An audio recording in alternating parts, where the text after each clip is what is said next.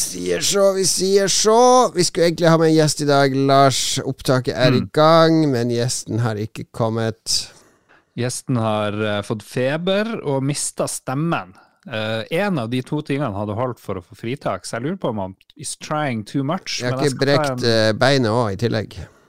han skulle skrive brev og vaske klær i tillegg, muligens. Men uh, jeg, skal, jeg skal ta et alvorsord med han. Han er jo en ansatt der jeg jobber, så Det er mye sykdom på jobb nå. Og så i tillegg eh, Han bor i Nord-Norge, ikke sant? ja. Jeg har jo skjønt at dere har fått litt høye strømpriser nå, så jeg skjønner godt at han vil spare litt strøm. Ikke ha på skjerm og, og mikrofon og PC og sånn, for nå begynner det å svi i lommebøkene deres, gutter. gutta.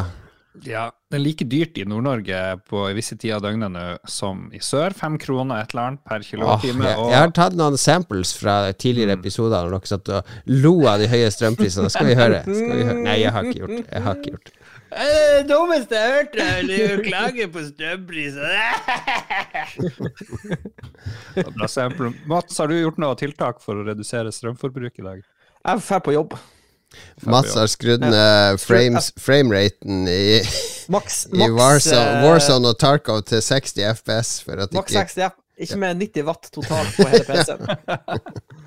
Og jeg har skrudd ned varmekablene i gangen, på do, skrudd ned varmepumpa, og så er jeg klar til å skru opp i natt.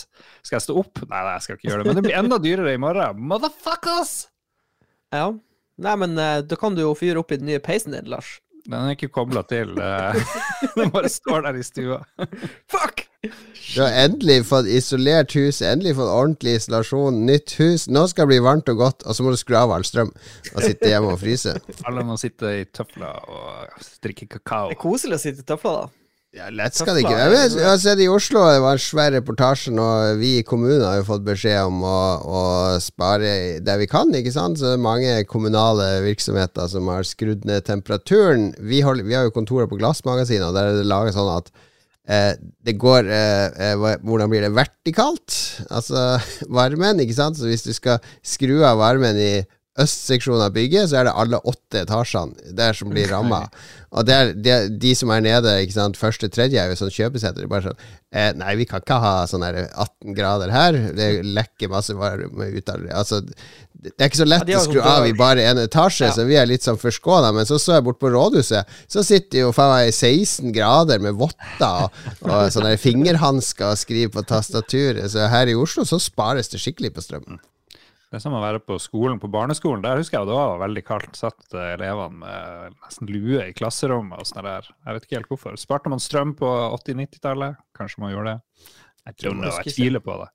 Men jeg snakket, apropos strøm, jeg snakka med en, en ordfører, en av mange ordførere i Norge. og hun Eh, vedkommende var på noe møte i dag, fikk høre hvordan det står til ute i Europa.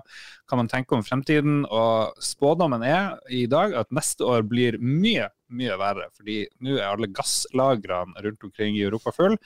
Nå brukes de opp, kranene kranen skrudd igjen. Norge er liksom viktigste energiland, eh, kanskje det viktigste i Europa. Forsyner gass nedover. Russland har skrudd igjen kran. Neste år er alle tom. Prisene kommer til å bli absurde høy. Så Er ikke det bra for oss som eksporterer, at prisene blir eh, ekstremt bra?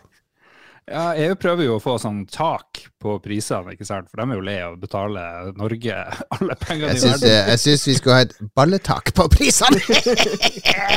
Til slutt blir de invadert. Ja, hvis folk blir desperat nok, så blir det sånn som Japan før andre verdenskrig, hvor de ble desperat, eh, fikk ikke ressurser, gikk til angrep på hele verden. På Pearl Harbor.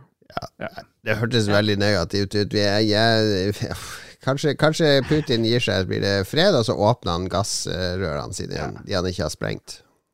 Putin sier bare I just kid, you know. It's a joke. Good joke. No. Uff, vi må ikke være så alvorlige her. Eh, Mats, er du, eh, prepper du ekstra mye nå, med tanke på det Lars sa? Nei. Jeg er ganske sløv på preppinga, dessverre. Jeg leste, jeg, når vi først er lystige vent gjør litt, jeg, jeg har preppa en ting. Vent litt. Ja. Vent litt. Kommer powerbanken. Ah, det var Flashlighten. Nå holder jeg opp et produkt for guttene. Freeze-dried cookie balls? Naughty. Det er, det er 300 kalorier på en liten pose. Ja, Så, ja. Så jeg er klar. Nå er jeg klar. Du har forberedt en liten snack. Det varer til 20 det til 2030. Så når apokalypsen er, så kan du kose deg litt med 300 kalorier. Ja, da kan du momse på dine cookie balls. Nei, men først der i apokalypsen. eh, Det var en artig artikkel i Morgenbladet denne uken. Fordi det er ei dame som forsker på, eh, på apokalypse, har forska på det i mange år. På, spesielt da hvis, hvis det skulle bli atomkrig, ikke sant. Eh, hvis India og Pakistan skulle ha en liten atomkrig, eh, ganske liten en der nede, hva, hva, hvilke konsekvenser får det?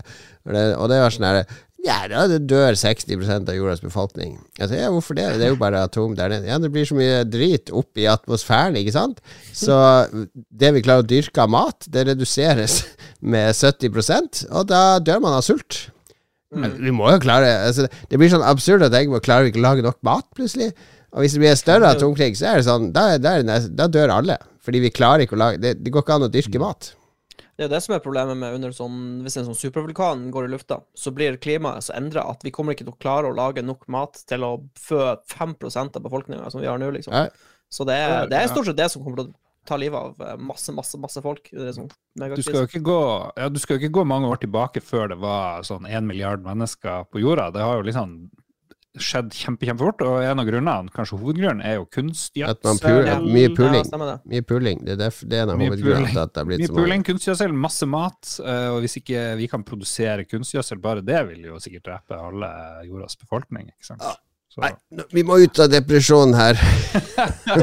Vi prøvde å komme oss ut, men vi datt i en dypere depresjon. Jeg kan uh, jeg, jeg visste ikke hva jeg skulle tørre å si det her. Det er jo det mest tabu Oi, man kan gjøre i dag. oi, Det er ikke å skjelle ut eh, afrikanske personer på bar. Det er ikke å eh, gå i nordisk front, melde seg inn i nordisk front og marsjere i naziuniform nedover Karl Johan. Er det mest skamfulle man kan gjøre i dag. Det er å se på fotball. Har jeg skjønt. Så jeg, jeg må innrømme det. Jeg har sett på fotball-VM, karer. mm, Jeg har også sett en kamp, ja, eller to. Alt jeg har sett, var veldig kjedelig, bortsett fra Serbia. Jeg vet ikke hva det var jeg så i går. Det var litt artig. Men eh, ja. Vi ser alle på fotball-VM i større og mindre grad. Nå blir vi å miste alle lytterne våre. Spådom. Kan hende vi gjør det. Nei, jeg har en elleveåring som er veldig opptatt av uh, fotball, og han eh, ja, For jeg kan ikke nekte han å se på fotball-VM. Du skyver elleveåringen foran Jeg deg, gjør det. Jeg skyver han foran deg. Han, kommentatoren i VG, han er Leif Welhaven, eller hva han heter, han der som bare kan skrive eh, et avsnitt må alltid være bare én setning. For det, det er sånn sportskommentatoren skriver. Fordi det er så mye å tenke på. Det er så viktig. Det er, så viktig, i hver setning. Mm. Det er noe til ettertanke. hver setning er som et bibelvers. Ja, det er det. Han skrev at uh, vi, kunne, vi, vi kan ikke gjøre det mot ungene våre. Ta fra, tenk på når vi var barn og opplevde vårt første fotball-VM og ditt og datt. Så jeg gjemmer meg bak han Leif Welhaven. Så jeg har sett noe. Vi har sånn tippekonkurranse på jobb, og det er litt sånn tamt. Det er litt sånn tamt mesterskap. Det mangler et eller annet. Uh, det, er, det er litt sånn småkjedelig. Jeg, vet ikke om det, jeg tror kanskje det har noe med årstida å gjøre, først og fremst. For, fordi Jo, vanligvis er det jo, det er juni, ikke sant? Sommer. Ja, man går ut og drikker øl og sitter ute på Kontraskjær eller i Prinsens hage eller på en eller annen uteservering og, og ser kamp og folk har på seg drakter og sånn. Og nå, nå er det kaldt, og vi fryser. Ja, Fotball-VM skal være på sommeren. Skal jeg si hovedårsaken? Det er jo fordi man sitter og ser på VM eh, oppå et berg av lik og diskriminering, er jødehat og er ikke noe det er ikke noe, det er, ikke noe sånt. Ja, det gjorde vi når vi så på fotball-VM i Russland for, for uh, fem år siden òg. Ja, men da var vi ikke så Da visste Vi vi, ikke ikke vi at det var en kirkegård bygd under Takk eh, Gud for at vi hadde VM i Russland. Tenk hva Putin kunne Tenk Da møtte vi dem med dialog og fikk landet moderert og, og endra det. De har virkelig moderert seg etter vi hadde fotball-VM der. Vi fikk, vi fikk, vi fikk eh, oppgjør med verdiene deres. Mm. Og OL i Kina, alt ble jo bedre da. Det Ja. funka. Så. Jeg syns alle disse mesterskapene er jo bare i sånne møkkaland. Brasil er jo ikke så mye å skryte av med presidenten de har nå. Kina, det er snakk om fotball-VM til Saudi-Arabia i 2030. Eh, Formel 1, de, de arabiske landene vil jo gjerne ha to-tre løp til der nede. De har tilbudt seg å lage hvilke baner som helst for de. Altså, det går jo den veien med all idrett nå. In Allahu Akbar-banen er på tide bygges as we speak. Ja. Nei, og så syns jeg jo For jeg, jeg så jo litt Premier League skal ha en litt sånn rasekrig, og så bare bli ferdig med det. Han kiden min altså, elsker jo Premier League òg, selvfølgelig, og PSG, og alle de der bedritne lagene som er eh, eid, kjøpt og betalt av uh, disse korrupte regimene. Altså, vi sitter jo og ser på eh, Martin Ødegaard som eh, løper rundt med Visit Rwanda på, på drakten sin, fordi mm. presidenten i Rwanda, som uh, fikk 99% av stemmene, forresten, og som fengsler og torturerer folk uh, over en lav sko, han driver en sånn stor turistkampanje for eh, Rwanda. Det kan Martin Ødegaard og Arsenal gå rundt i. Disse stadionene i England er jo oppkalt etter arabiske steder. Ja, altså. Premier League er jo gjennomsyra av uh, trasig ja, men skal man ikke boikotte Premier League, da? Ja. Jo, men det er et godt poeng. Det er, det er ikke bare fotball, altså VM. Det er, det er mye. Ja, fordi et eller annet med VM for meg er Det er litt som Eurovision. Det kommer alle land i verden som er flinke nok, kvalifiserer seg. De kommer sammen og har sjansen til å vinne. Det gjør jo Eurovision òg. I Eurovision så legger vi som regel politikken til side. Eh, Vi legger hatet mellom våre mot, til våre naboland eller andre land til side. Og så står vi på scenen og fjoller det til og prøver å, å sanke mest mulig poeng. Og det er VM òg. Det er en eller annen renhet i det. Og så er det jævla dårlig at de har lagt det til et sånt eh, land som, er, som utnytter fremmedarbeidere og alt mulig sånn.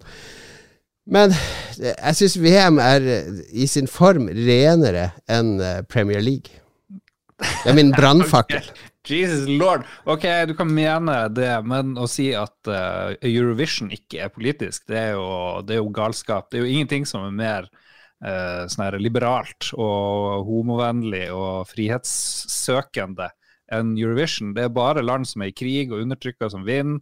Masse homofile på scenen hele tida med vimpler, og det, det der er, det er så politisk som du får det. Så Ikke Takk for meg. Men apropos rasekrig, Av... Mats dro jo opp noe interessant her. Vi, liksom Jeg mener, Var det ikke mer religiøs krig du kanskje er inne på? Ja, det var, det var kanskje det. Det var sånn her Midt- Midtøsten versus alle. ja. FFA. Nei da. Nei, det var bare alle hvite og svarte, liksom. Nei, ja, men jeg føler, jeg føler det, det, Men det skulle vært ei opprydding i Formel 1, eh, fotball eh, Altså alle sporter hvor det er så Altså, det er så mye korrupsjon. Det skulle vært en sånn megaopprydding. Og bare få, få det ut. Fengselsstraff, Mm. bøter, bytte ut hele ledelsen. Går det ikke an å bare ta en sånn her eh, Ja, vårrengjøring?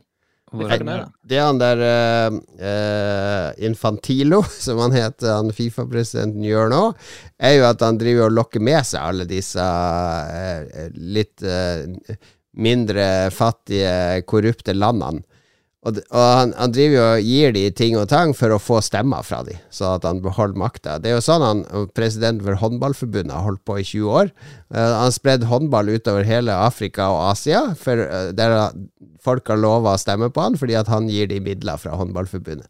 Så, så det, det er så korrupt som det går an å bli. Og det, Man må snu ryggen til det. Jeg håper Tyskland Tyskland er det landet jeg har tillit til, kommer til å melde seg ut av Fifa og arrangere sin egen nasjonale liga.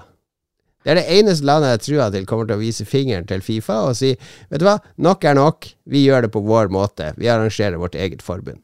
Og da kanskje Norge kan komme diltende etter. Men vi har gjort oss avhengig av jævla mafiafolk. Ja. Men sier du at Tyskland kommer til å få frem en sterk leder som kan rydde opp en gang for alle? Ja, det kan det håper jeg. Innen fotballen så håper jeg det. En, fotball, en fotballkansler. Ja, og fuck Infantilo og, og folk som ødelegger det fine som VM skal være, og all den Jeg, så, jeg, så, um, jeg begynte å se en dokumentar på Netflix om Fifa, og hvor det gikk galt. Men jeg ble så deprimert etter første episoden at jeg gadd ikke å se mer. Men oppsummeringa var vel at uh, på uh, ti, Altså tidlig, uh, tidlig, tidlig, tidlig i Fifa så var det veldig lite penger, og så var det et stort valg om nytt, ny Fifa-president. Så var det én kar fra eh, Jeg tror han var fra Brasil, eller det var et Sepp søramerikansk land. Blatter? Nei, dette var før Blatter. Det var han fyren som var før han Blatter. Det var han som Mm. bygde opp Fifa til den maskinen det er i dag. Og det var han mot en sånn dude fra Sverige som, eh, sto om presidentvalget. Og, og når han der Brasil-kisen vant, da var det over og, over og ut for Fifa med tanke på renhet og eh, korrupsjon. Var, det var da det begynte å bli, bli dårlig. Ja. Så han, Blatt, han Blatter var liksom høyre hånd til han kisen her, som bygde opp eh, Ja. Det- Så du sier at Europa trenger å ta over eh, resten av verden? Eh, vi trenger litt rom. Litt pusterom. Ja. Ja, I for den arbeids, ideen. arbeidsrom. Litt Fotballram. Ute å kjøre. Nå er vi over på Langt i helt her. Eh, caramba. har, har du fått bilder, AI-bilder? Er du i gang der, Mats? Jeg har, har eh, Jeg begynte Jeg har jo vært litt opptatt. Jeg har jo akkurat kommet hjem fra jobb, egentlig. Uh, Så jeg tok Mm. noen, jeg har tatt noen selfier uh, i forskjellige På tur hjem, på en måte. så, så skal jeg lage Så skal jeg sende den til han Dag Thomas, sånn at vi får Ja. AI AI-modell. Ja, du må forklare det her, Jon Cato. Hva er det vi snakker om? Uh, yes, vi snakker om eh, Jeg klarte å lukke masse tabber som jeg ikke skulle lukke. Ok, jeg tar over. Han, Dag Thomas er jo AI-guden i Lolbua Inc., og han kan lage sånne Glem vanlige AI-bilder som du kan lage sjøl. Dag Thomas får 20-30 bilder av oss i ulike vinkler og positurer, og så fòrer han dem inn i en sånn her eh, greie. Så lager de en modell.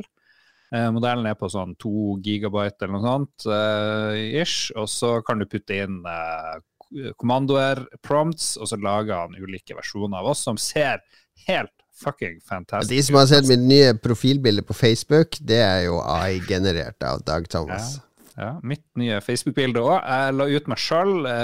Så litt sånn ung og litt mer alvisk ut, langt hår. Plutselig kom masse damebekjentskaper på Facebook og skulle si hvor fint bilde jeg hadde. Det var utrolig morsomt.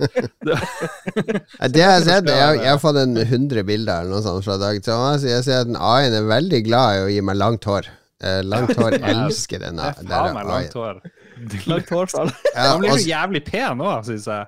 Ja, men Han blir jo det, men den sliter med å gjøre meg tjukk. Men det har den naila på deg, Lars. Du har, det er sånne perfekte fetso-bilder av det. Ja, jeg liker det. Det Jeg får både, både tynne og feite, og noen veldig realistiske. Men med at det er så mye hår på de bildene, så føler jeg meg jo som en skikkelig loser. For Mats har jo sånn stramt, fint, eh, tjukt hår. Men eh, alle de bildene, eh, AI-bildene av meg med amazing hår, gjør jo bare at jeg liksom Du har litt du har Kan ikke se sånn ut. det, det finnes en fyr som kan hjelpe deg. Han heter Elon Musk. Så bare Ja. send han melding på Twitter, for han har fått hår. Ja, fuck. Hvordan gjør han det? Jeg vet ikke. Jeg tror det involverer penger, men det er noen greier du kan gjøre. Det, er noen knep. Involverer Noen penger knep. og sjaman Durek, som har en spesialselve. Spesialselve til din Men, nisse. men får du dårligere samvittighet, eller bedre av å se på det sånne enormt vakre versjoner av deg sjøl, Jon Cato? Nei, Jeg jeg, fordi det Facebook-bildet mitt ble delt på jobb, og da måtte jeg jo dele flere bilder med de, og folk bare wow, wow, wow. Syns det var litt kult. Men jeg, jeg blir eh, Jeg syns bare det er gøy. Jeg får ikke noe dårlig samvittighet. Det bare sånn Mar Marvel What If-episode. Ja. Det er, eh, det er morsomt å vise kona og Jeg putta jo på eh, Kona mi har bursdag i dag, så jeg putta jo på Facebook et fint bilde av meg i bar overkropp. Ja, det er veldig fint. Å, nå ser jeg det nye profilbildet ditt. Du ser ut som han Colin Farrell, egentlig. Eh, Veldig, veldig vakker. Ja, det er et fantastisk profilbilde. Jeg har fått masse komplimenter. Du må se på mitt nye, faen Ja, ser det. Se det. Vi, fordi hvis du ser Hvis vi putter oss to sammen, så blir vi jo sånn Modern Talking, eller et eller annet sånt. Det er jo et eller annet sånn 80-talls syntband, de to folka der. Right. Men er alle patrions som er på sveppertid eller over, dette skal brukes til noe som kommer til dere i tidlig januar. januar. Så eh, det er bare å glede seg. Og det er ikke for sent å bli swapper-patron hvis du har råd, da, med strømpriser og matpriser. Mat er jo faen meg blitt eh, det Strømmen er én ting, mat er jo mye verre. Det er Ja. dyrt. Det er Ja. dyrt! Det er dyrt! Vi er på sånn rundt 10 er vi det? Jeg husker ikke 10-12 eh, prosent prisstigning. eh, kanskje 8 bare, jeg husker ikke. Men Polen 20% Det er verre i masse andre land der ute, så vi kan trøste oss med at det er verre. Ja, Det kunne vært verre. Har du noe annet å by på, Mats Lars, før vi går videre til spill siden sist? sånn Jeg kan by på at uh, det er Bjud deg på, du! Bjud deg på nå, Mats! Nei, altså jeg, Du har har- jeg har en- Jeg har vært på en kort og effektiv jobbtur. Og det var, det var forfriskende, for jeg var på en sånn Jeg har jo sånn disponibel-periode nå. Så nå var jeg ute på et sånt oppdrag. Tok uh, nøyaktig ei uke. Og det var jævlig deilig, egentlig. Mm. For det var, det var så mye å gjøre hver dag at du Det var jobb, spise, sove i, i syv dager. Og det går fort, folkens. Det var, ja, det var litt deilig, Ja. Har du slanka deg? Du ser litt sånn fresh ut. Jeg tror ikke jeg har slanka meg, eh, men jeg, liksom, jeg har ligget veldig stabilt de siste, den siste måneden.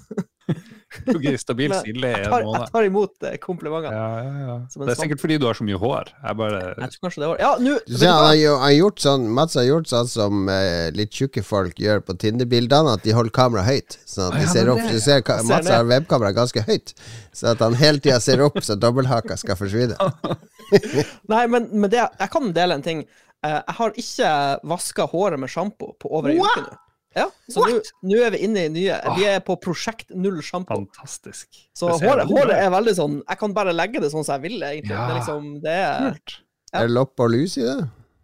Eh, Jeg tror ikke det. Men det, det, er, ikke, men det, som er, det er så rart, fordi håret er ikke fettete, men det har mer olje i seg enn det har vanligvis. Men det er ikke sånn ekkelt mye olje. Så det er litt sånn fascinerende. Jeg Ja. snakka med noen om det, og de sier at uh, oljeproduksjonen i hodebunnen normaliserer seg, for den, eh, den går i overdrive hvis du begynner å, Hvis du begynner å bruke dusje. sjampo. ja. og hvis du lar være, så bare tar det av seg sjøl. Ja, ja jeg, har, jeg har litt trua på det her. Men jeg lurer på liksom, Men håret må jo bli skittent på et tidspunkt? At at det blir sånn smuss. du dusjer jo. Jo, men hold det med varmt vann. Er det nok til Ja. å rense håret, liksom? Ja, hår under armene, da? Hold det òg, ja, da? Med varmt vann? Jo, men det er, det, det er så lite. Det er så lite sammenlignet med Ja. det du har på bunnen. Så det, det, går, det går greit med såpe, men på hår Jeg vet ikke. Hm. Jeg vet ikke om det er noe Jeg tror ikke det- svettlukta går bort hvis du har vært ute og trent og ikke vasker deg under armene. Gjør den det? Nei, men det er jo det jeg sier. På, under armene og i skrittet, der må du bruke såpe. Ja, for det begynner å blir lukte oppi hodebunnen òg etter hvert, vil jeg Jeg tror du det? Ja. Men vi kan gjøre en test. Han Lars, han Lars skal få lov til å lukte på håret mitt etter skal gjøre- eh, ei uke. Så kan vi, se- for da har det gått to uker uten såpe i håret. Så Ja. kan vi se.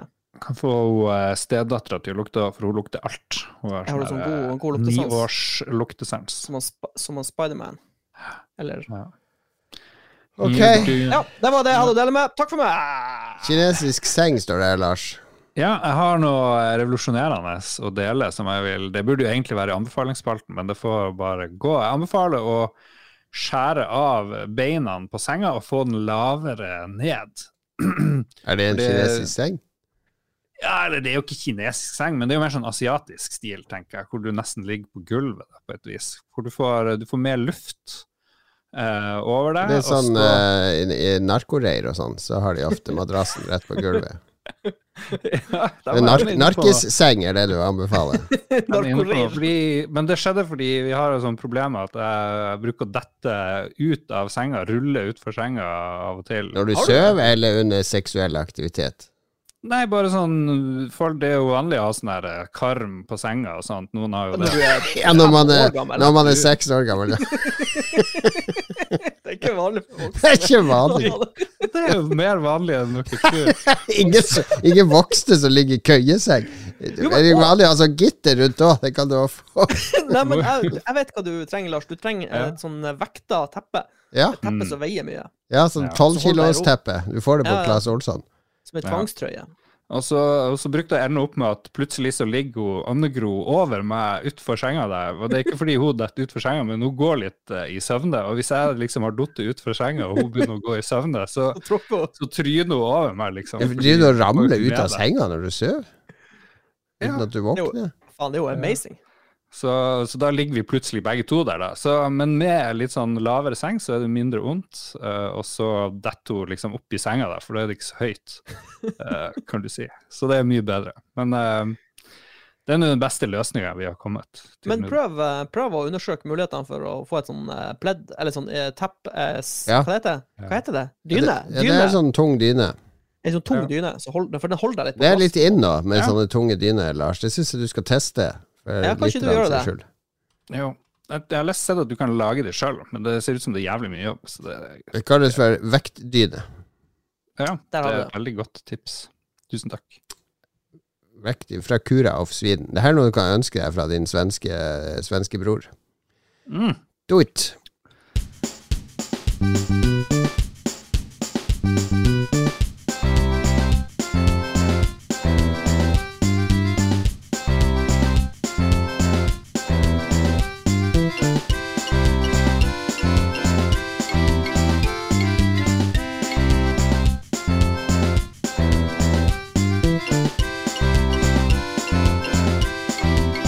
Herlig musikk fra Cartoon Network Racing. Eh, Det hørte dere vel med en gang.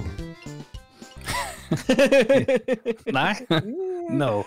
Cartoon Racing. Cartoon Network Racing. Jesus, hvorfor har du de forferdelige spillene du henter musikk fra? Jeg har jo ikke spillene nødvendigvis, selv om jeg har musikken. Mm. Jeg, jeg så ganske mye på eh, Cartoon Network i min eh, barndom. Det, ja, Ben 10 har det gått mye av her i huset med min eldste.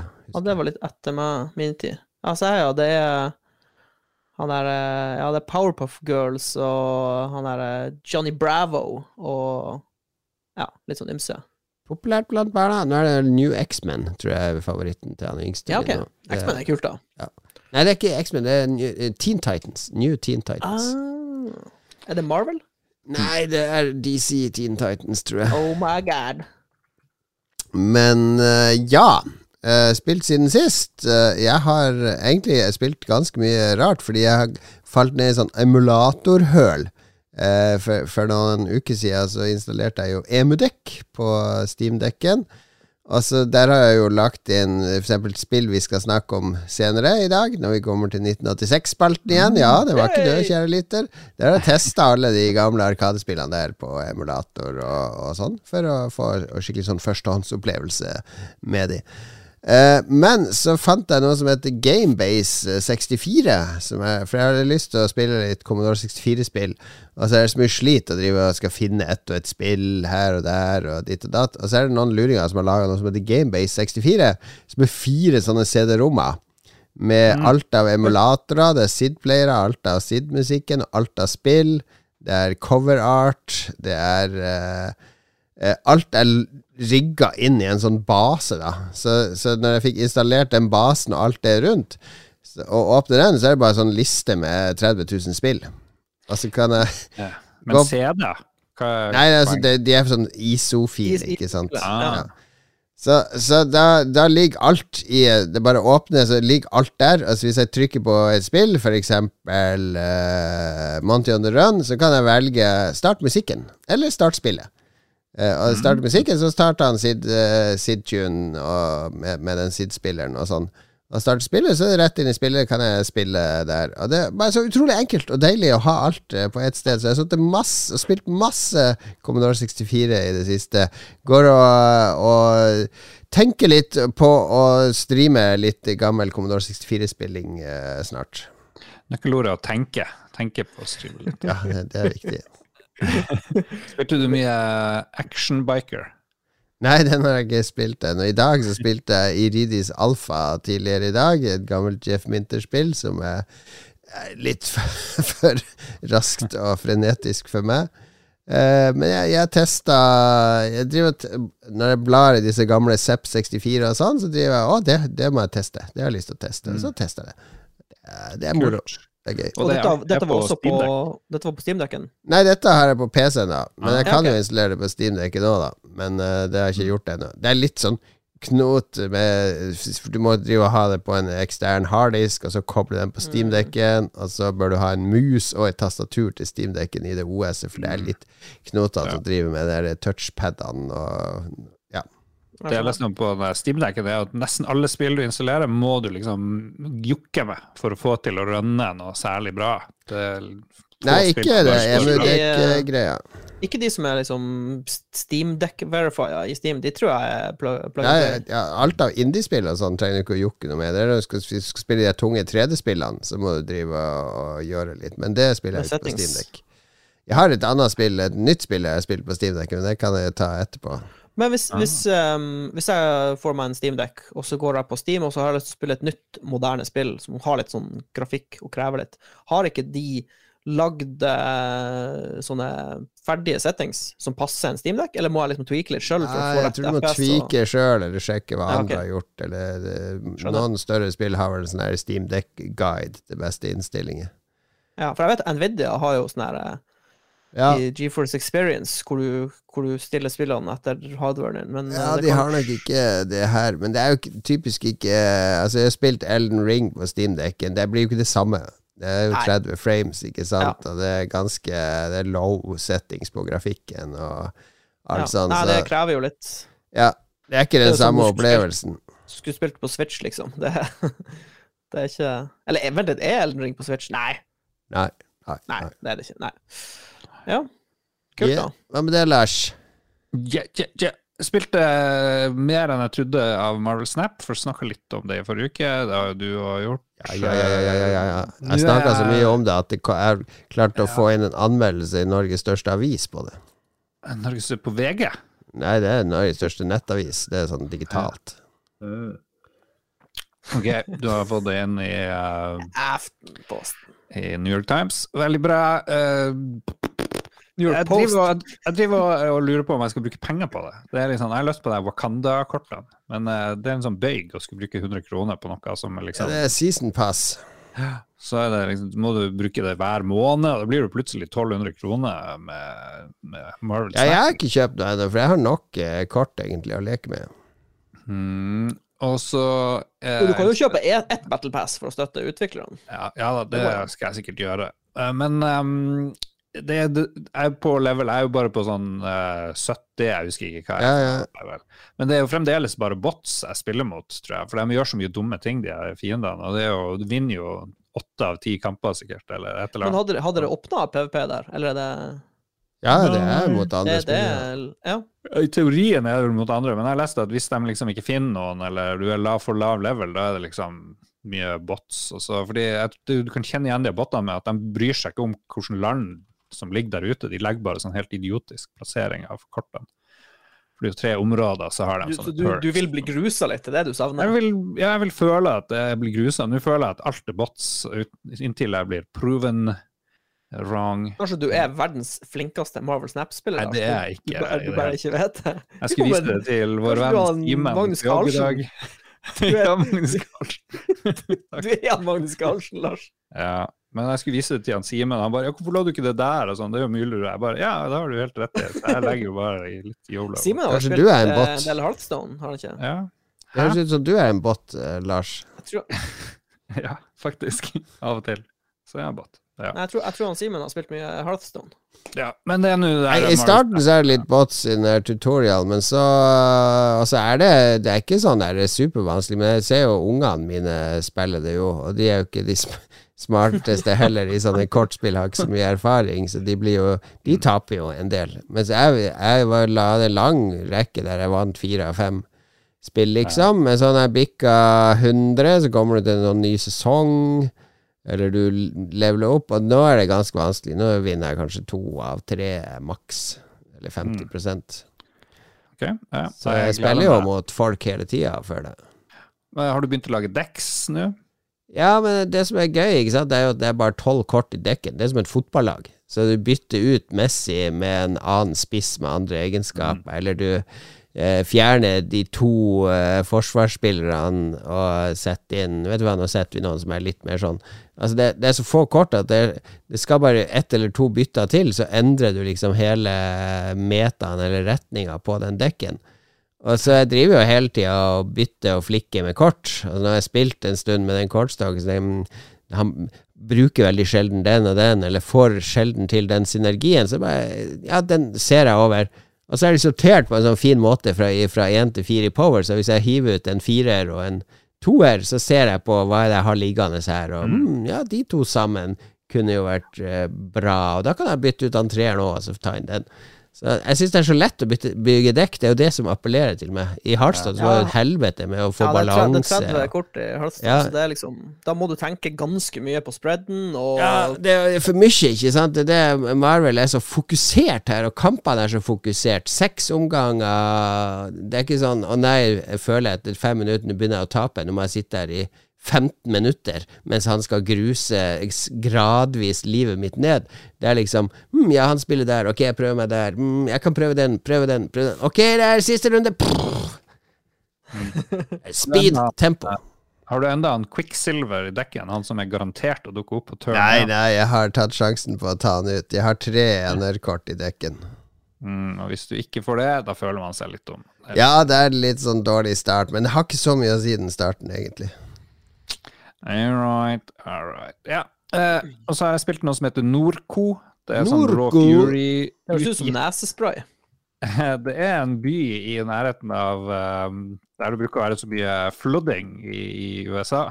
Eh, Hva det heter for noe? Det her er New Orleans. Der i Nor New Orleans. Og det er et pek og klikk-spill. Og som veldig mange indiespill, så har det litt tema der å komme hjem. Komme hjem er litt lei det temaet, må jeg si. Eh, komme hjem til hjembyen, men du har i hvert fall vært borte. Eh, mora di er død av kreft, og broren din er gone missing. Og det er litt sånn her ufo-aktig ting som foregår. Det her er, nær, det er ikke nær fremtid, det er litt sånn fremtida hvor det er roboter og sånt. Familien har sin egen robot som du tar med deg ut for å finne bror din. og Eh, og som et pek og klikk-spill så er det gjort veldig enkelt. Du kan quick-reise mellom alle locations. Eh, alle karakterer og steder du møter, får et eget plass på et sånt mindmap, hvor du kan liksom gjennomgå hva er det, hvem er han, og hva er det som foregår. Så kan du plukke opp litt items eh, og sånt. Men det er utrolig godt skrevet. Jeg har fått sånn pris på Tribeca filmfestival og sånt. Eh, grense mot kunst, eh, vil jeg si, på godt og vondt. Og mye drømmesekvenser og litt sånne ting. Men det er veldig, veldig kult. Litt sånn cyberpunk eh, til tider. Eh, veldig god stemning, veldig Den, fin eh, mekanikk. Ifølge dem sjøl så er det en southern gothic point and click narrative adventure. Ja, ja, ja. Og jeg har ennå ikke kommet meg til de der nye Monkey Island-greiene, men jeg får veldig lyst til å spille det og se hvordan de gjør det. For det er veldig, den liksom tar point and click langt inn i fremtida, sånn at det nesten ikke er point and click. eh, um, så ja, fantastisk skrevet. Helt vilt god eh, dialog, og det, det er som å bevege seg rundt i, i noe som kunne vært i et museum, føler jeg, av og til. Interessant. Jeg spilte, det, og det er et eh, fint uh, spill hvis man er i rett uh, stemninga for en sånn der uh, litt sånn kunstnerisk eventyrspillopplevelse. Mm, ja. 8-bits, eh, eller ikke 8-bit, men det er sånn pixel-greier. Retro, Ja. retro graphics. Absolutt. Absolutt. Nei, bra du spiller, Lars. Jeg er imponert. Ja. Mm, Terning, opp, eh, opp et terningkast på Lars allerede. uh. Kan også melde om at Norco er et sykkel, terrengsykkelmerke. Så vet dere det. Mm, mm, Ja. mm. Så har du masse eh, minispill. Har du prøvd å, å klappe katter i denne bokhandelen, uh, Jon Cato? Nei, det har jeg ikke. Hvis du gjør det nok ganger, så blir det mer og mer vanskelig. Du må memorisere sånne sekvenser av blinkende lys, og det er utrolig Simon vanskelig. Lurer. Simon lurer Memory Games, min store nemesis. ja, det er jo også litt retro å ha masse ulike minigames. Det er jo Ja. sånn, siden vi er i 1986. Hva med det der, Mats? Er det bare skyting, pang, pang, pow, pow, Tarkov, uh, Nei, du hva? MW2? Nå har jeg, med tanke på at jeg har vært borte ei uke på jobb, så har jeg faktisk fått spilt ganske mye de siste to ukene. For jeg fikk spilt Mm. litt før jeg dro på jobb, og så fikk jeg spil, spilt uh, litt når jeg kom hjem. Uh, jeg, har jeg har spilt litt i dag. jeg har spilt eh, den nye expansion packen til uh, World of Warcraft. Jeg hører det er umulig å komme seg inn. Hæ? Jeg hører det er umulig å komme seg inn. Serverne brenner, og Det er Blizzard ikke Sånn, suger. fordi OK, jeg, jeg fyrte det opp eh, i går, for det ble sluppet en midnatt eh, natt til eh, tirsdag. Ja. Så jeg, jeg logga på fem over tolv. Ingen problemer whatsoever. Eh, og så spilte jeg litt over en time. Så gikk jeg og la meg. Så sto jeg opp eh, etter seks-syv timer, og så logga jeg på, og så har jeg spilt eh, ganske mange timer uten problemer. Så jeg, det må være noe serveravhengig at enkelte servere er okay, er mer ok, okay, enn ok. andre. For på den serveren jeg spiller på, så har det vært null problemer. Så det, ja. Førsteinntrykket er veldig bra, faktisk. Eh, Jeg har jo spilt hver eneste expansion, og de to forrige, Battle for Azeroth og Shadowlands, var Ja, de var litt drit, kan vi si. Men La oss eh, spole tilbake i episode 212, når Mats snakker om La og han sa. Hvordan går det? Beste i verden igjen! Beste, beste spillet! Wow! Ja, men det som er kult, er at de har eh, For det første så har de ditcha masse sånne her eh, plagsomme greier hvor du må gjøre ting hver dag. Eh, De har, de har gått litt tilbake til, til røttene. Og så har de Det kuleste med expansion, og det er jo hele greia, er at de har de har forandra totalt på hvordan flyging fungerer. Hvordan du beveger deg fra rundt i spillet når du har en flying mount. For du får en sånn kul drage, og så um, I stedet for at du eh, ok, hvordan skal man forklare det her? De som har spilt World of Warcraft, skjønner jo hva jeg snakker om. Men yeah. flying i World of Warcraft før Dragonflight, så var det som å styre eh, Det var som å spille Doom, bare at du kan bevege deg i alle tre dimensjoner når du flyr. Det er ikke noe det er ikke noe følelse av at du flyr, du bare, du leviterer bare, og, og det er ingenting treghet, det, alt skjer øyeblikkelig, så det, du føles egentlig ikke som du flyr, det føles som du har på en cheat code som gjør at du kan bevege deg i lufta, på en måte. Men nå så har de introdusert faktisk flyging. Jeg tror de har stjålet det fra Guild Wars, jeg leste noe om det, men uansett, det er Nå er det Nå er det Nå må du sveve, du må glidefly. Eh, hvis du prøver å fly rett opp, så mister du høyde og fart. Eh, så det, det, er som å, det er faktisk som å fly nå. Det er litt kult. Så har du sånne, du har sånne vigor points eh, som eh, du bruker for å få opp farta igjen, eh, eller for å klatre og få høyde. Eh, også hvis du får oppfarta ved å stupe, f.eks., så får du tilbake litt bigger points. Så eh, du kan liksom holde deg Du kan fly jævlig mye fortere nå, og så eh, kan du liksom bruke litt Du føler at du, at du gjør noe, på en måte. Du, det er ikke bare autopilot. Så ja, veldig, veldig kul eh, måte å gjøre det på. Eh, Ja, det er er nesten så du overtaler meg til å prøve. Men jeg har jo aldri, jeg har aldri vært maks level i World of Warcraft, så jeg vet ikke. Jeg har aldri flydd. ja. Oi, du har ikke hatt flying mount? Jeg har hatt vanlig mount. Ja, ja flying mounts har vært litt sånn kjedelig. De de har vært utrolig praktisk, det har de vært. Men um, nå får du liksom faktisk uh, Nå får du en liten følelse av at du faktisk flyr på en drage, i stedet for at du bare Tror du de føler trusselen fra Final Fantasy 14, som har hatt veldig sånn medvind under eh, korona, mens eh, World of Warcraft har liksom det er, det jo bare de gamle Altså, det er folk som har spilt det siden starten, som fortsatt prøver Ja, World of Warcraft. jeg, jeg, tipper de har jeg tipper de har ganske dårlige tall nå, World of Warcraft. Det tviler jeg ikke et sekund på. Men eh, det, jeg, jeg støtter dem i hvert fall i den retninga de går nå, med at de, de gjør det så enk, altså de gjør det veldig casual-vennlig. Det er ikke noe sånn her Det er veldig lite um, sånn ukesting du tvinges til å gjøre. I hvert fall det første inntrykket etter uh, jeg sitter igjen med nå, Ja. uh, og det de sier på internettet. Tenk at du har kommet dit, uh, Lars, at Mats sitter og hyller at et spill har blitt mer casual. Hva blir det neste? Tarkov? Mer casual-vennlig. Endelig, sier Mats Rindal men, jo, men, jo, men vet du hva? Tarkov, Tarkov er casual friendly, faktisk. Fordi jeg, jeg, liker, jeg syns alle spill skal være sånn at du kan sette deg ned på en kveld og spille én time og føle at du har fått gjort noe. Det syns jeg er superviktig. Sett deg ned med Tarkov, og så sitter en time og sorterer i inventoryen din. Nei, Og så har du fortsatt ikke Og så, endelig har du funnet deg en loadout, og så går du ut, Neida. og så er du død er etter tre minutter. Det, vik, det viktigste i Tarkov er å Det viktigste i Tarkov er å komme deg over gearfare og bare bruke det du har. Fordi da blir det ikke rot, for da, da mister du ting hele tida. Så da, da blir det sirkulasjon i utstyret. Ok, da. Men så har jeg spilt et annet spill òg. Jeg har faktisk vært vært eh, flink gutt. Eh, jeg har også spilt eh, det nye Warhammer 40 000-spillet Darktide, som er lagd av uh, Svenske Fat Fat. Jeg har et par Fat Shark-sokker i skuffa som ungene Ja. bruker hele tida, som jeg De- fikk fra uh, en venn av meg som jobber i Fat Shark, som jeg møtte i USA en gang. de, de har jo, til de, ikke de som uh, kjenner til dem, så har de lagd de to Vermintide-spillene, som er Warhammer møter Left 4 Dead. Og nå har de lagd Darktide, som er Warhammer 40 Ja, men- og hva er forskjellen på. Warhammer og Warhammer 40K? OK, Warhammer eh, er Ringenes herre. Warhammer 40K er Starcraft. Ok, jeg, er godt oppsummert. Ja. Hva er forskjellen på Eh, Ringenes herre og Stark... Nei da. Eh, kjør på, Mats. uh, og det som er um, Ja, førsteinntrykk Darktide, utrolig bra. Uh, det er jo Skal sies at uh, jeg spilte det før jeg dro på jobb, og den versjonen som er Jeg tror muligens det er faktisk release i dag, for det vi har spilt til nå, har vært en sånn her eh, Early access som du betaler for å Altså, ja, basically early access. Jeg måtte se på video. Det er noe sånn first person-shit Ja. going on. Ja, men det er coop, eh, ikke sant, der man har forskjellige Du powers. spiller fire, ja. du spiller fire på lag, eh, og så er det akkurat sånn som Left 4 Dead, at du skal, du skal bevege deg gjennom et kart, eh, og så skal du prøve å ikke bli most og gjøre et oppdrag. Eh, så du, du samarbeider med, med tre andre menneskelige spillere mot AI. Det, det er ikke noe PVP eller andre spillere du, du slåss mot. Så du slåss mot datamaskinen, da.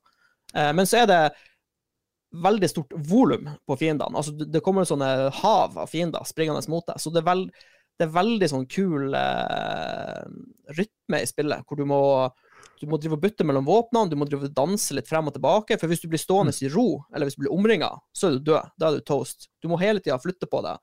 Trekke deg i den retninga, trekke i den retninga.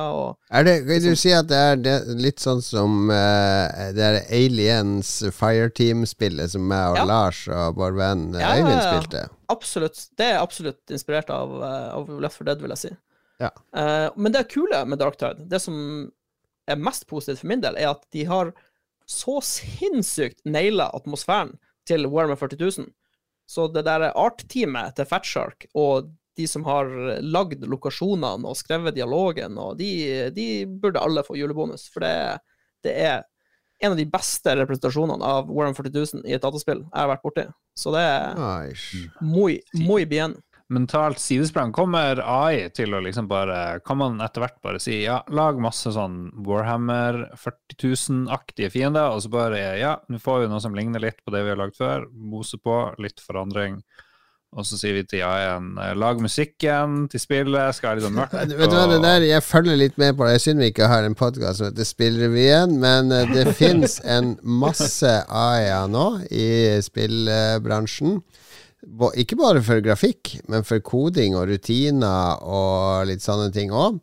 Som du kan bruke til å hjelpe deg. Eh, det, og musikk òg, ikke sant. Eh, det- Vår venn Dag Thomas lagde jo musikk til forrige episode med Aya. Så det der kommer til å bli hjelpemidler i spillbransjen som kommer til å revolusjonere. Og det, det er jo bare å Altså Når du har disse store åpen verdensbildene, og du er environment artist, så sitter du jo i seks måneder og tegner stein og, og stubber og trær. Selvfølgelig kan en AI etter hvert gjøre det for deg. Det er jo et, et samlebåndsarbeid med en eller annen kunstnerisk Det er et eller annet kunstnerisk over det som kanskje forsvinner. Det er jo det som er frykten.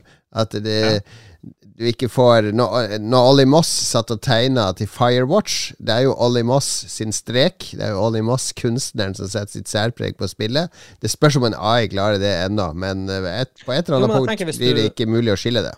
Hvis du har en fyr, en sånn slags AI-overseer, som slenger pisken og liksom tvinger AI-en til å lage det og lage det med prompts, Ja. og styrer han til å lage det og det og lage det Det er jo en slags menneskelig hånd involvert i det hele Ja, da. Altså ja. Innen ti år skal jeg jo jeg dø. Jeg dør jo når jeg er 60, Lars. Men innen den tid så vil det være en AI som har lært seg stemmen min. Vi mater han med alle disse episodene, og han vil da han, De, de AI-ene, meg og deg og Mats, de vil kunne fortsette å lage lolbua altså, inn i uendeligheten. Jon Cato dør om syv år, jeg dør i et helikopterkrasj, og han Lars begår ja. sannsynligvis selvmord om fem Men år. lytterne vil ikke merke noe, fordi tre A-er kommer til å ta over og naile akkurat vår personlighet. De kommer til å følge med på nyheter, nye spill, eh, stjele litt fra noen reviews her, klippe sammen, og vi sitter og synser og gjør narr av hverandre. Akkurat som Jeg før. gleder meg til å sitte i himmelen og høre på den eh, AI-podkasten. Det er ikke alle som er fans av det her. Det blir jo en diskusjon Det ble jo en diskusjon i Ragequitters-gruppa til våre venner i Ragequit, og der er jo han eh, glimrende musiker Martin Pettersen. Han eh, Martin eh, Ja. ble jo han skrev, Jeg vet ikke hva som er mest deprimerende, at mennesker ikke trenger lage musikk lenger, eller at Dag Thomas blir kreditert for å skrive bullshit som en, AI lager noe ut fra. Så han, eh, han går rett i strupen Han er på andre sida. Ja, han er det. Han er ikke happy. Så det er jo mange som er redd for å miste jobbene sine. Ja, ja, men det var det, var det på 90-tallet, når uh, de der uh, Hva heter de der som jobba i avisa? Som satt avisen hver kveld manuelt i trykkeriet. Eh, når de kom, nei, nå har det kommet noe som heter InDesign. Så vet du hva, det er ikke bruk for det der eh, at dere driver og lager overskrifter og forsider med sånne fysiske bokstaver som skal trykkes. Vi går over til å bruke datamaskiner. Eh, de, dere som har ti stykk på jobb før for å lage en avis, vi trenger to stykk nå. Så det var jo bare fakta. det, ja, for å si det sånn, et sykehjem om 20 år kommer til å være én robotsupervisor, som er et menneske som passer på 200 roboter. Og det er ikke kødd. Det kommer til å være sykehjem om 20 år. Det, Ja, det er jo 100% det, sikker på. det, det er progress, men jeg, jeg skjønner jo at det er en kreativitet i å lage og skrive. Jeg kjenner det jo når jeg skriver bra. Det er deilig. Det er deilig å føle at jeg har formulert meg bra. Og så vet jeg at en eller annen dag så kommer en AI til å klare å skrive mye bedre enn meg. Eller gjøre det meste bedre enn det jeg gjør. Sånn, eh, det får vi bare bøye oss for for nye våre så Nordboa herrer. bli perfekt om, om 32 år, når uh, AI-en har uh, Ja, naila det. Ja, ja. La oss bøye oss for AI-overlorden. Ja, ett spill til, for jeg spilte et nytt spill òg. Som heter Taiji. T-a-i-j-i. Det er så obskurt indie-spill at du får, får det ikke opp når du googler. Får det, det betyr et eller annet Supreme uh, Well-being eller noe sånt. Hvis du googler det og Steam, så finner du det. For det er laga av en, uh, en dude i Tennessee som heter Matthew van de Wander. Han er en uh, movie en videogame critic. Han har skrevet bøker. Eh, han er spillutvikler, han er grafisk designer, har vunnet priser for det. Og han tror jeg Jeg tror han ble så glad i The Witness når han spilte det, at han så bestemte seg for Nå skal jeg lage sånn 2D top down eh, retroversjon av The Witness. Fordi det er basically en sånn der indie liten eh, versjon av The Witness. Eh, Det er ikke helt likt, det er, det er litt Men du skal du, Masse sånne skjermer med puzzles på, uh, og spor ute i naturen, og Tipper bakgrunnsgrafikken. du har mer FPS i dette spillet enn du har i The Witness. Ja, kanskje. Altså, veldig stemningsfullt. Og jeg elsker jo The Witness, så jeg lasta ned det her til Steamdekken, og jeg har kost meg masse med det. Det er ganske vanskelig. Det er ganske obskurt. Du får veldig lite hint, enda mindre. Altså, det er litt annen struktur på The Witness enn det her. Altså, det, jeg tror ikke det er sånn svær filosofisk, eh, eksistensialistisk beretning i bakgrunnen, sånn som det er i Vitnes. Men det er veldig Det er artig. Artig å utforske. Gøy at én person har eh, laga dette grublespillet. Så veldig vanskelig ut. Jeg tror det her blir for vanskelig for meg, altså. Det tror jeg òg, Lars. Bare, Ja. Det er bare å innse sine begrensninger. Det er en god egenskap.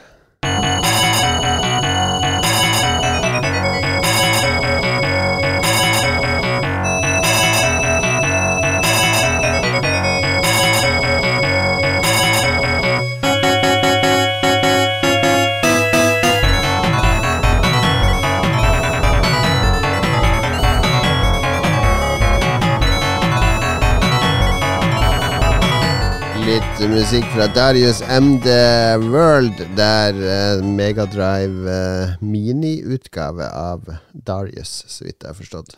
Ja, Det er gode, gamle Darius. Darius! Vet du hva det Husker du hva det het i Europa? Megapenis. Nei, det het ikke det. Jeg tror det måtte Det heter vel Nemesis i Europa, eller noe sånt? Mm. Nemesis? Ligner veldig på eh, husker Salamander. Gjør det ikke det?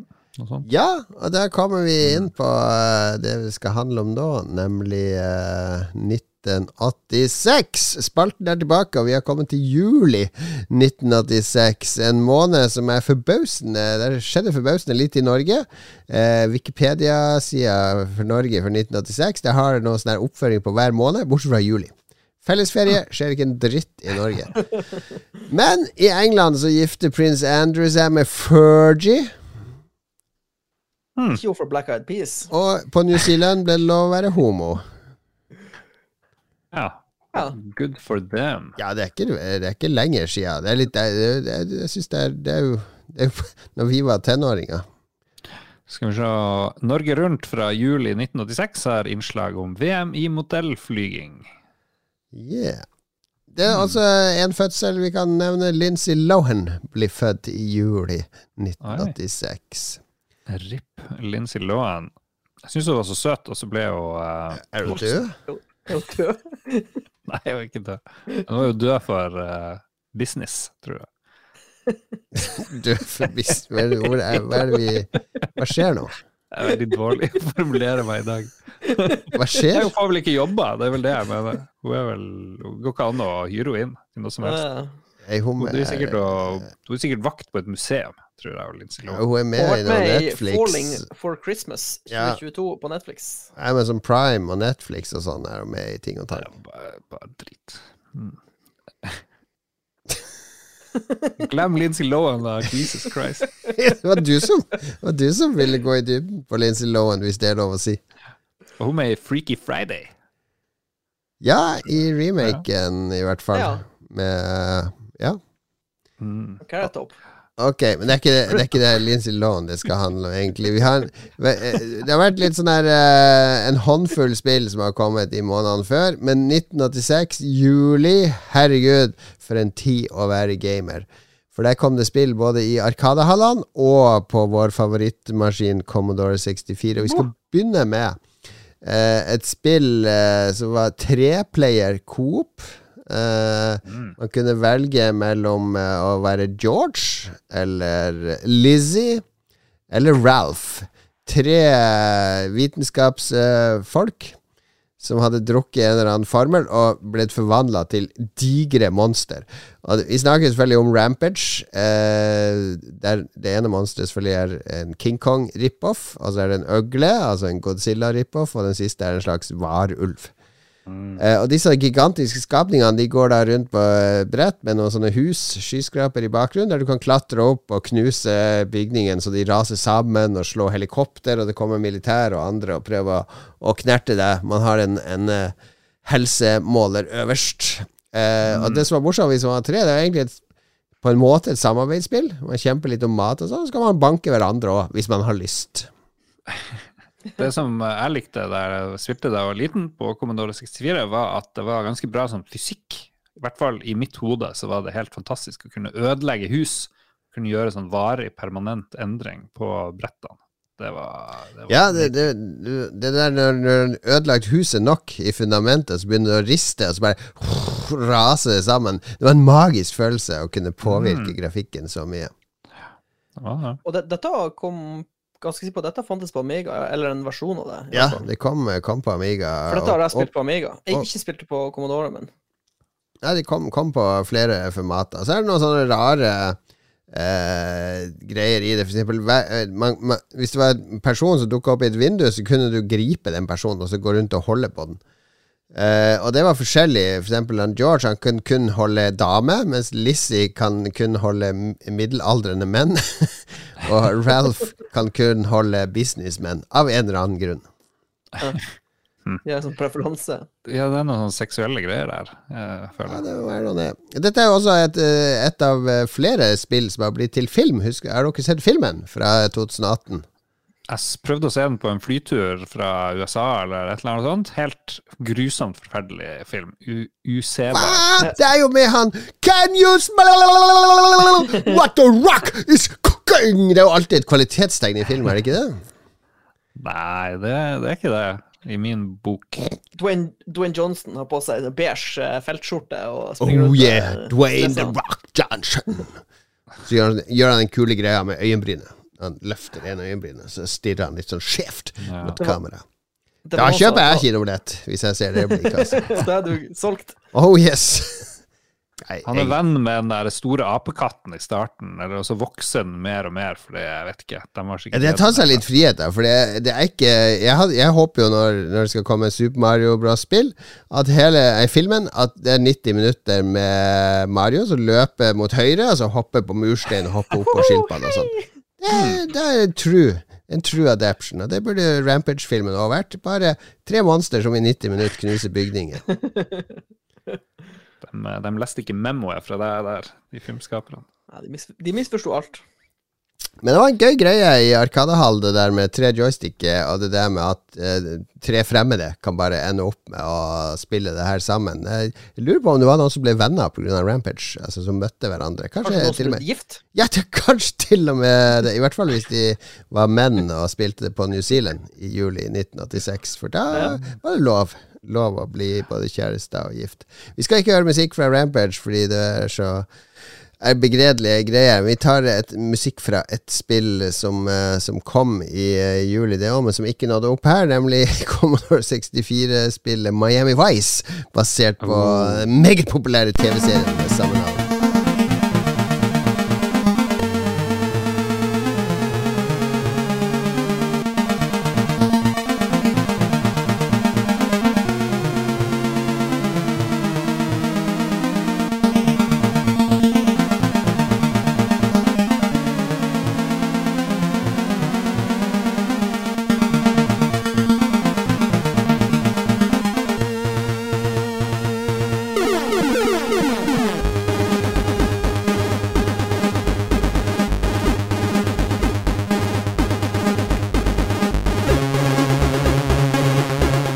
Selvfølgelig Martin Galway. Året 1986 var året da Martin Galway og Rob Hubbard eh, kanskje var på sitt beste.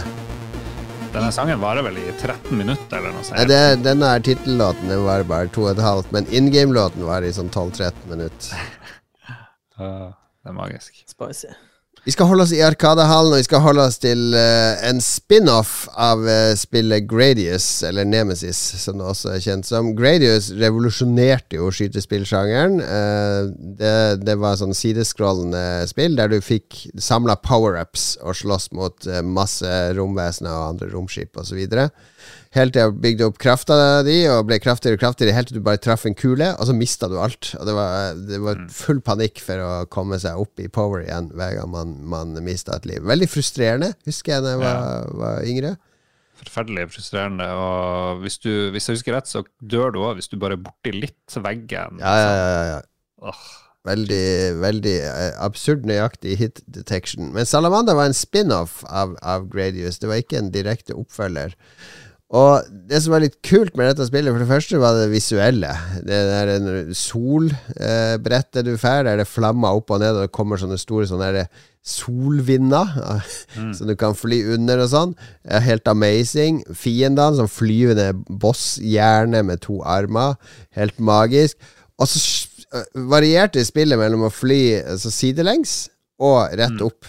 Altså, klarte ett brett, så snurra romskipet sånn, og så nå, nå var det sånn der eh, scrolle oppover-spill i stedet for scrolle til høyre-spill. Det var spennende, syns jeg. Jeg spilte en del, men det var sikkert bare på Commodore 64. Og jeg husker ikke om det var sånn blanding mellom til fly mot høyre, og så få fly rett frem eh, innover mot skjermen. Jeg husker ikke om det var sånn der. Jeg husker bare oss fly fra venstre mot høyre, men det den der eh, power-up-mekanikkene og sånt, og at du har sånne her, eh, drone som flyr rundt deg, og at du får lagt bygd på ulike deler og sånn, det var jo eh, amazing. Mm. Jeg tror, eh, tror ikke jeg spilte der. Det så ikke noe kjent ut. Men igjen, Commodore, 80-tallet, Ja da. det er Not my time. Faen hvor mye dårligere den der Commodore 64-versjonen ser ut. Men det går jo smooth. ja, den, er Nei, nei den er uh, Altså, det, det er ikke, var ikke like revolusjonerende som Gradius, men det var på en måte Altså, det var så polished som det gikk an å få skytespill på den tida, og også musikken verdt å ta med seg.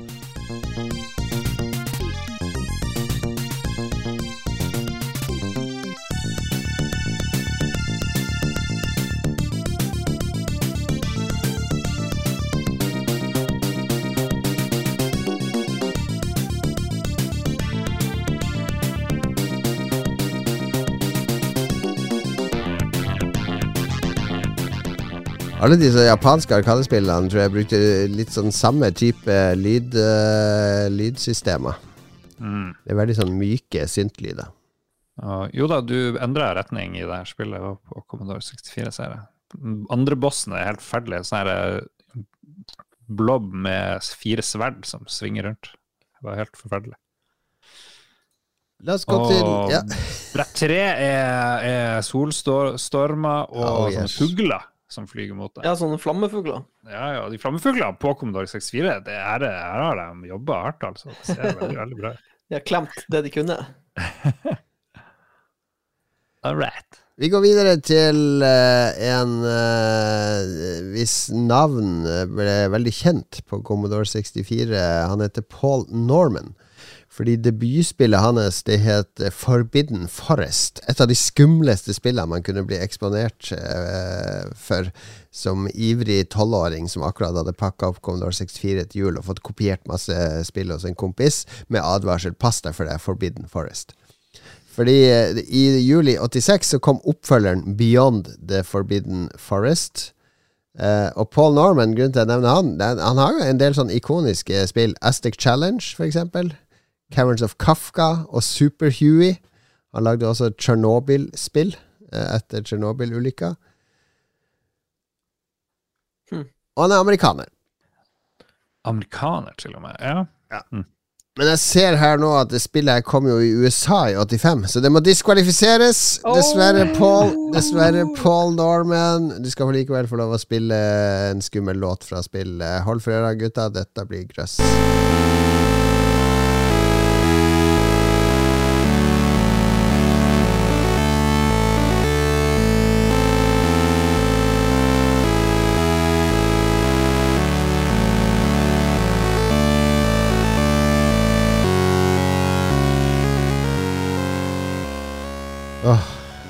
Forbidden Forest, da google det og se det på YouTube hvis du ble nysgjerrig på hva skumle spill var i gamle dager. Nå skal vi til et spill som faktisk kom i juli 86. Et spill som er runda i sin tid på Commodore 64. Et helt magisk spill, fordi det, det er jo et, eh, et arkadespill som heter Gauntlet, husker dere det? Oh, yes. Mm. Eh, og det kom Nå var det det kom? La oss sjekke det. Ja, det kom i 85. Ikke sant? Ok. Og det spåna jo en masse kopier. Sånn top down, eh, slåss mot monster, eh, gjerne samarbeid. Og Druid var et spill til Commodore 64 som var ganske inspirert av Gauntlet, men samtidig prøvde å være litt sånn RPG, eh, ha et narrativ. For du er en druid, eh, altså en slags trollmann med tett eh, kobling til naturen som eh, går rundt på ulike brett og skal, eh, du skal finne noen krystaller eller et eller annet, noen kister du skal åpne. Drepe, business. ja, drepe en eller annen demon. Og det som var gøy i dette spillet, eh, er sånn hovedgreie altså Det er tre sånne elementer, så du kan skyte tre ulike eh, sånne eh, powers, eh, skudd. Så du må bruke riktig mot riktig fiende, så vidt jeg husker. Men når du samler nok sånn energi, så kan du summone en golem. Og den golumen er en sånn der AI som du kan gi kommando, follow og attack og sånne ting. Men hvis du hadde en kompis på besøk, så kunne han styre golemen med joystick nummer to. Og jeg og min venn Lamo vi spilte det her i ukevis, der vi bytta på å være trollmann og golem. For golemen han slåss med hendene og sånn. Så det var en helt fantastisk eh, coop i det, rett og slett, eh, som, som jeg kan huske. Det er også et av eh, Ikke det eneste, men det var et, et uh, spill som ble porta til Japan og kom ut på MSX uh, noen år, eh, og til Famicom eh, Nes eh, etter, etter å ha vært ute på Commodore 64 og Amstrad osv. Mm. Men tror du det er litt inspirert av Legend of Zelda også? Det er litt noe jo Zelda òg over det, den top down-greia. Så eh, det er en artig sånn lapskaus av uh, Gauntlet og Zelda og uh, vestlig Hvordan vi i Vesten eh, tenker at et action-eventyr skal være. Det, jeg kan ikke huske at jeg spilte det så veldig mye, men jeg tror jeg har prøvd det. Men ja, men ja, ser, eh, ser ut til å være verdig i kampen om å være blant de 400 beste spillerne i juli 1986. Helt klart. Og musikken den har ikke jeg hørt siden jeg spilte det med Lamo. Når jeg hørte den nå når jeg samla den inn, gikk frysningen nedover ryggen på meg.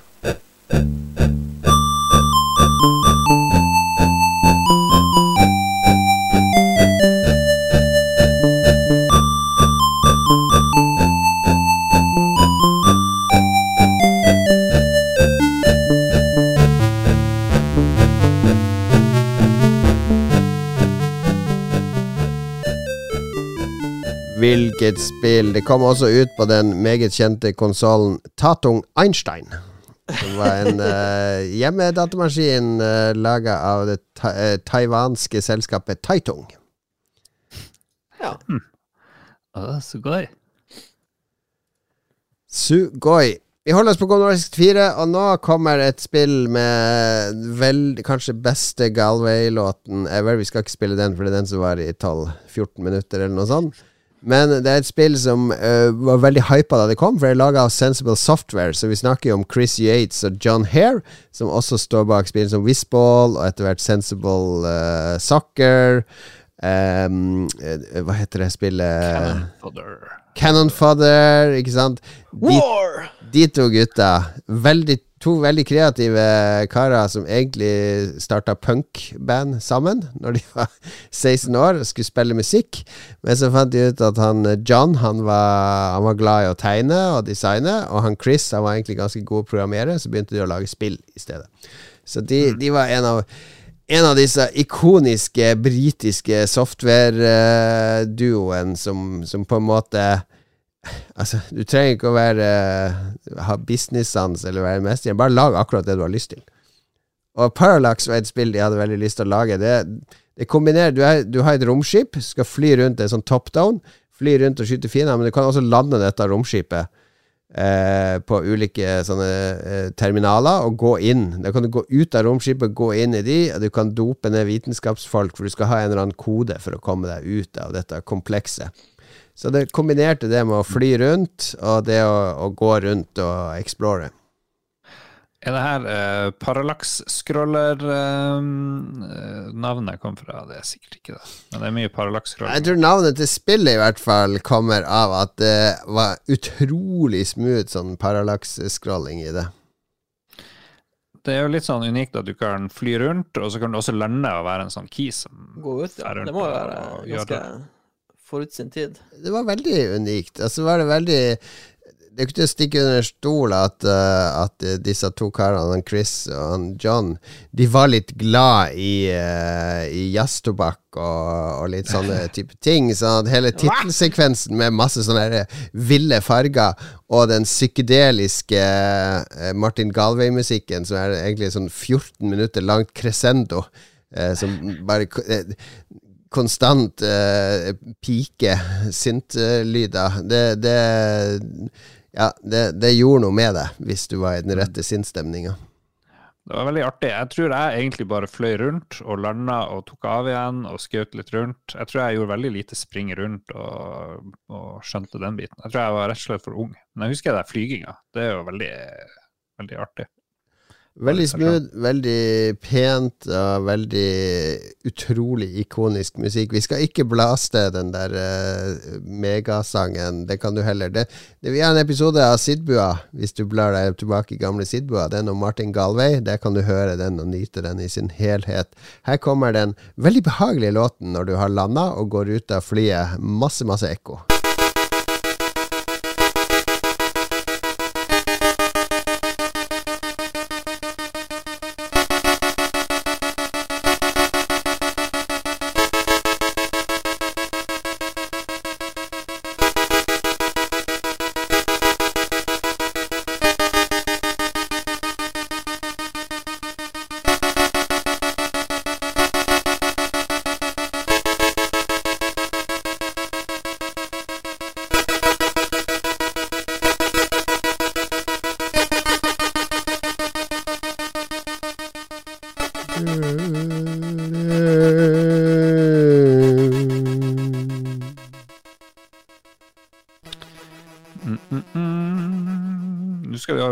Ordentlig spill.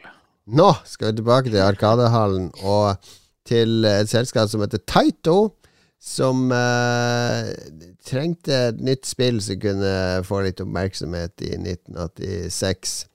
Og de tok eh, et klassisk Atari-spill, nemlig Breakout. Altså dette spillet der du styrer en liten sånn paddle på bunn, og det er en ball som spretter og fjerner blokker. Og tenkte, kan vi reinvente dette? Og jaggu klarte de det. Spillet heter Arkanoid. Og ble Tusen ganger bedre enn Breakout. ja, ja, ja. Det, det er et veldig sånn der, eh, litt sånn futuristisk eh, spill der du eh, Av en eller annen grunn så henger det mer på gre grep enn breakout. Det er et eller annet personlighet i denne jernstanga du styrer nederst, som kan Du får power-up, så den kan bli lengre, eller den kan få laser, så du kan skyte blokker. Og, og brettdesignene, hvert brett har en sånn unik layout av eh, klosser som du skal fjerne. Det er veldig uh, zen å spille det. Du Mm. kan liksom holde på i timevis uh, med det her spillet. her. Ja. Og så var det, det var noen kule fiender òg som eh, ikke så ut som sprites, det så ut som de var tredimensjonale. Fordi de var liksom, Mm. de roterte rundt noen sånne Sånn geometriske former. De var også et spill som veldig, var veldig inspirert av uh, filmen Trond, som kom noen år før, uh, når det gjaldt estetikken.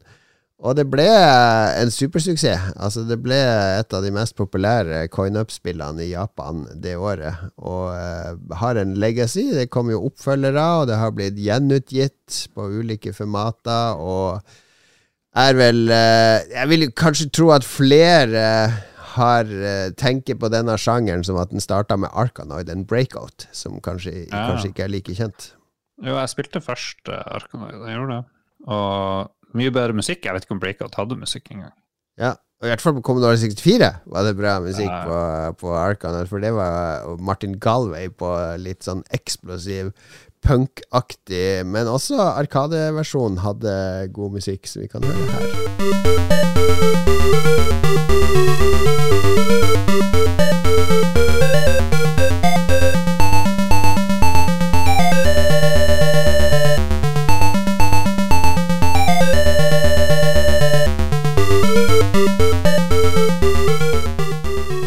Ok, god og god, da. Det er noe Kan, kan jo diskuteres. Nei, det er hvis du spiller introsangen til Condore 64, den er Ja, Den kan du høre i Martin Galway-episoden av Sid-bua. Så det, men det jeg likte nesten bedre, det var spillet som kom året etter. Nå driver jeg og spoler frem i tid. Crackout kom i 87. eh, med veldig mye kontroversielt, kontroversielt, men den, Mm. den debatten tar vi når det, det kommer. Vi har bare ett spill igjen, og det er også på Commodore 64. Det var Epix som ga ut. Det er jo din favorittutvikler, Lars, for det var jo du som lagde din favorittkonsoll gjennom tidene, nemlig Atari Lynx. Ja, bye.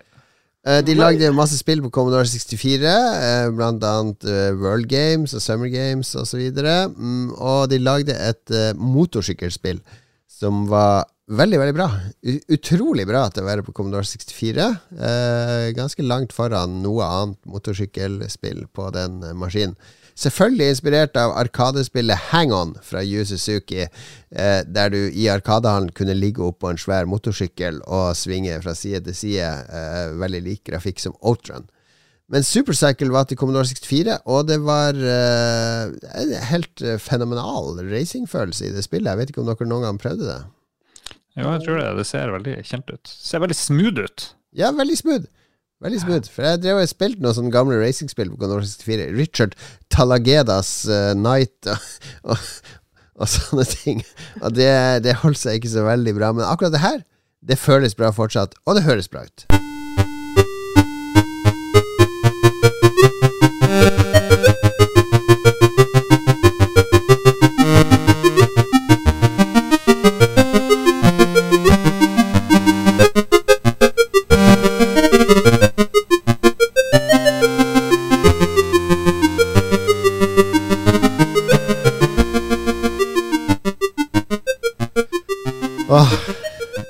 Jeg gleder meg til å spille det mer på min uh, emulatorsamling.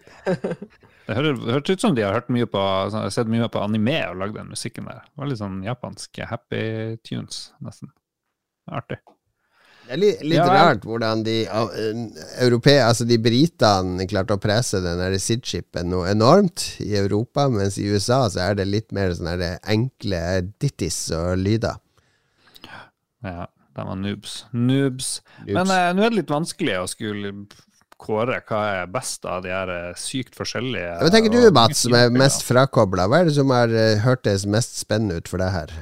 Av de spillene vi har sett på. Ja? Uh, jeg, har, uh, jeg har spilt to av dem, uh, så jeg må velge mellom en av de to. så det blir Det, det står mellom Rampage og Arkanoid. Jeg vet ikke hvor, hvilke tanker dere har gjort dere. Mm, ja Arkanoid er jo et flott spill, selvfølgelig. Det er jo det. Ja. Mm, jeg spilte jo ikke Beyond the Forbidden, Forbidden Forest, som ser veldig kult ja ut. den Parallax diskvalifiserte vi. Lars. Det, det skal. Det er. Ja, Parallax virker jo veldig veldig kult. Parallax virker Mm. kanskje det, mest, det som er mest teknisk imponerende, på en måte. Eller sånn. Det ble også holdt tilbake av teknikken, fordi de klarte ikke å presse mer. De hadde mye mer som skulle inn i det spillet, av puzzles og andre ting. Så, men pga. Minnet til. Commodore 64 så var det var ikke mulig å, å nå ambisjonene sine med det spillet. OK, jeg må, jeg må følge hjertet mitt, og hjertet mitt sier Arkanoid. Ja. ja. Det, jeg kan bli med på det. Det er jo gameplay eh, 100% altså. Også musikk. Og det, det er pakken, da. Mm. Vi eh, kjøper den. Vi går for Arkanoid. eh, Beste spillet som kom i juli 1986. Holder seg uforskamma godt i dag òg, både visuelt eh, og Ja, det, det er sant. Det er et godt poeng. Det er mye morsommere å spille det i dag enn å spille noen av de andre spillene, tror jeg.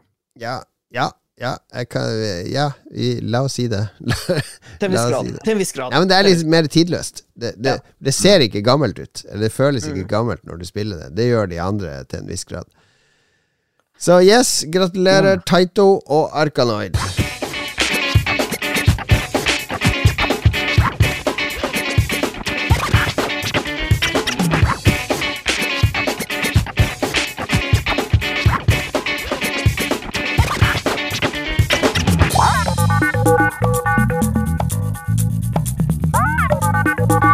Som vanlig vips jeg 100 kroner til den av dere som vet hvilket spill dette er.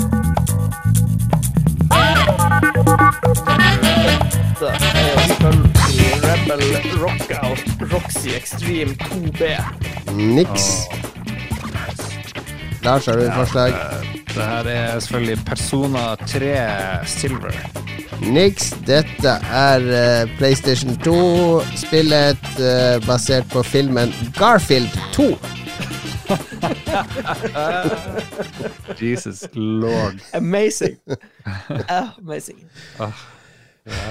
Ja, så det andre spillpodkaster De spiller bare sånne slegers.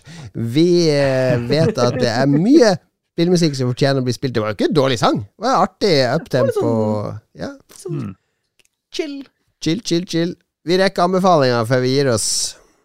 Ja, Anbefalinger. Skal vi hoppe anbefaling. Over de lytterspaltefolka? Ja, Er ikke det bare spørsmål til han som ikke var gjest allikevel? Ja, det kom nå litt Ja ja, vi får se. Vi får se. Det har vært lenge. Vi tar anbefalinger først. Skal vi kanskje spare dem til neste uke? Jeg tror det.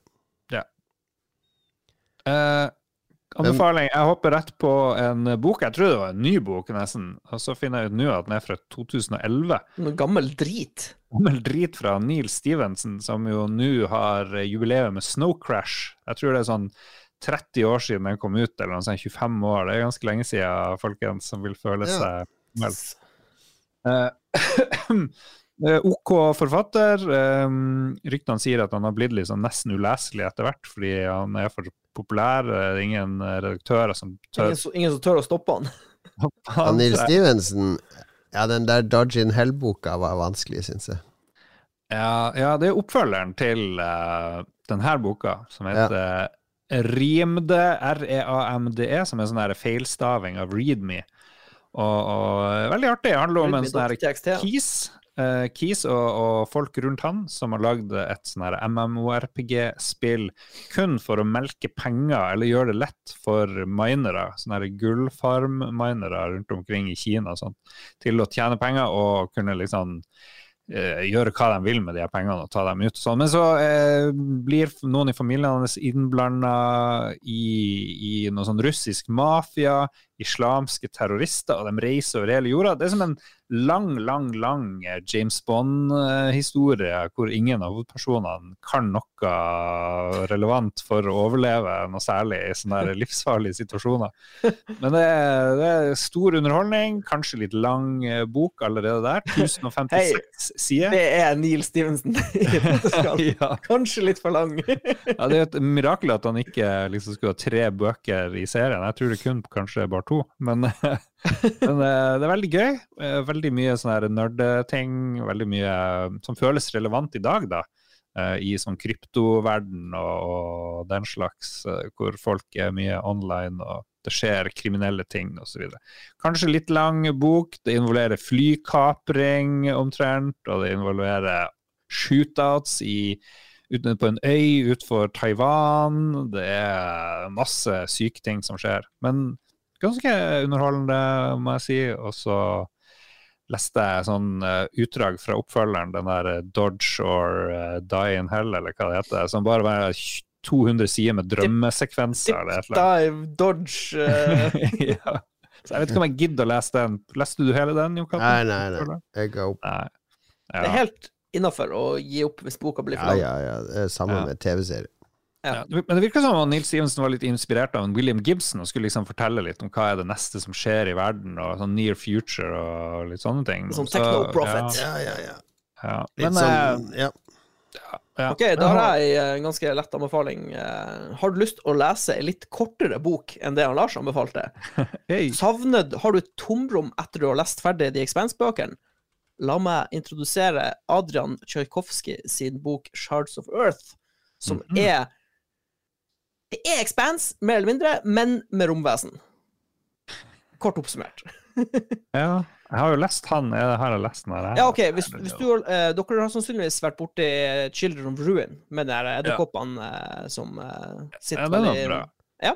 Så dette er en ny serie av han fyren som har skrevet Children of Ruin og Children of Time og alt det der. Uh, jeg tror det heter The Final Architecture, tror jeg serien heter. Men det er veldig sånn chill space opera-adventure med morsomme Mm. karakterer og ganske rikt univers. Han er veldig god å bygge eh, univers. Det skal han Mm. eh, jaggu ha. Så dette blir sikkert en TV-serie om 15 år. Ja. Så eh, ja, les det nå mens eh, før det blir TV-serie.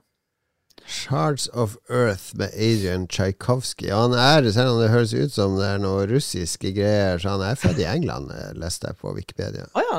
ja. Jeg tenkte alltid at han var Født i Lincolnshire. Sånn- Lincolnshire. His English is very good for being a Russian. Tok sin alma mater på University of eh, Reading. Og så er jeg litt glad i sånne forfattere som bare klinker ut bøker i litt, litt sånn tempo. Ikke bruker så forbanna lang tid på å skrive ting. For han har vært litt sånn maskin i det siste, han fyren her. Så det, det kan vi sette pris på. Ja. ja, men dette er litt interessant for meg. Og så vil jeg støtte anbefalinga til Jon Cato. For jeg har akkurat sett eh, den TV-serien, og den er amazing. Ja, ja fordi det, det er en av de få TV-seriene jeg har fullført uh, i år. Uh, jeg syns jo Mandalorian var gøy, fordi for det første A. Ingen jedier, eller nesten ingen jedier. det må ikke alltid ja. handle om jedier, de fucking Star Wars-greiene. Low power. Og B, det trenger ikke å være så sinnssykt connecta til Skywalker og Solo og Kenobi og alt, alt vi vet fra før av. Lag lag noe nytt eh, i dette universet, for det er masse potensial i Star Wars-universet, ikke sant. Så, så Mandalorian var kult, med sånn baby-Yoda og, eh, og liksom hele dette Mandalorian eh, Jeg vet ikke om det er en, rase, det er vel mer en stamme, eller en eller annen sånn, det er sånn et folkeslag. et folkeslag. Eh, eh, og, og liksom skjebnen til, til han her fyren som, som var på en måte en slags western, føltes det som til tider. ikke sant? Eh, en sånn klassisk eh, gammel TV-serie, eller serial, som du følger over eh, med en stor ark. Og noen skikkelig kule episoder der med jail, eh, jailbreak-episode og, og sånne ting. Bill Burr var med. Masse, masse kul casting og, og greier. Og så kommer jo selvfølgelig Når det er Disney involvert, så er det jo folk som sitter og styrer og skal ha lage masse drit òg. Så kommer jo Kenobi og den Boba Fett-serien. Ja, Boba Fett var svak. Ja, det, det er bare nå, nå skal vi bare lage Det sånn Vi skal prøve å lage fanservice. Vi skal ikke fortelle noe nytt eller viktig eller ha noe eh, nye uttrykk eller noe vi har lyst til å prøve å, å vri på eller eh, Det, som var, det som var trist med Book of Bobafett, var at de beste episodene var de som basically var Mandalorian-episoder. Ja, ja, liksom ja. Jeg hoppa jo av de, jeg orka jo ikke de. Og så hørte jeg noen si det Andor er lovende, det ser bra ut. Og Andor handler jo om han, eh, han eh, Hva er det han heter? Cass, Cassius? Cassian. Cassian. Eh, som også er med i filmen Rogue One. Og Rogue One er jo en, en av mine favorittfilmer i Star Wars-universet. Den handler om de opprørerne som stjeler planene til dødsstjerna. Eh, så det er en prequel til episode fire, på en måte. Og det, det er gøy å følge de, fordi det handler litt om eh, Du får litt sånn inntrykk av hvor desperat opprørerne var, og hvor mye som står på spill, ikke sant, og at det er enkeltpersoner inne som utgjør en stor forskjell, osv. Så, videre. så Andor er prequel til det igjen, da, om han Cassian, hvordan han kom inn i, i opprøret. Begynte å jobbe for de Og så er det med suverene skuespillere. Stellan Skarsgård er jo helt fantastisk god i, i eh, den serien.